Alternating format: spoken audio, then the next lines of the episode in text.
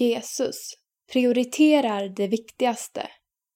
En artikel i serien Fokus Jesus av Alfred Ingmår.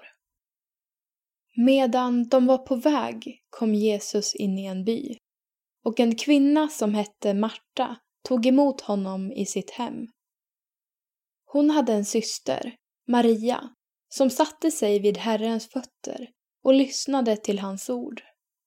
Marta däremot var upptagen med alla förberedelser och hon kom fram och sade Herre, bryr du dig inte om att min syster har lämnat mig att sköta allting själv? Säg nu till henne att hon hjälper mig. Herren svarade henne Marta, Marta, du bekymrar dig och oroar dig för så mycket. Men bara ett är nödvändigt. Maria har valt den goda delen och den ska inte tas ifrån henne. Lukas evangeliet kapitel 10, vers 38 till 42. Det är lätt att känna igen sig i berättelsen om Marta och Maria. Berättelsen ger oss en tankeställare och visar för oss vad som är viktigast av allt.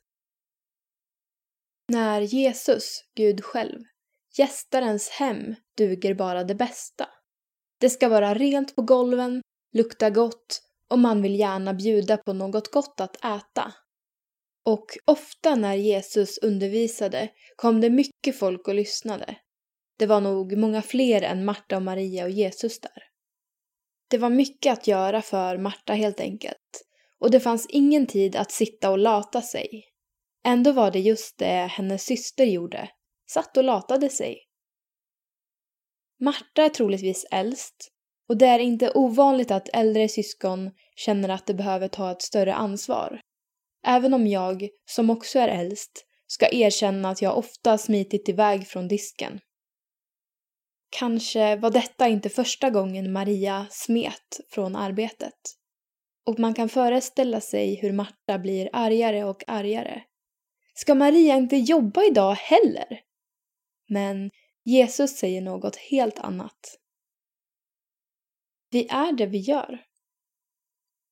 Att arbeta är något gott och livet hade varit svårt att leva om ingen lagade mat, byggde hus eller vårdade sjuka på sjukhus. Men ofta riskerar vi människor att förlita oss på vårt eget arbete för mycket. Vi är det vi gör. Och om vi inte gör tillräckligt är vi inte värda någonting. Jesus säger till Marta att hon oroar sig för mycket, vers 41. Och ofta när vi tror att vi behöver förtjäna vårt värde genom arbete blir vi oroliga för att vi inte ska räcka till. Viktigast.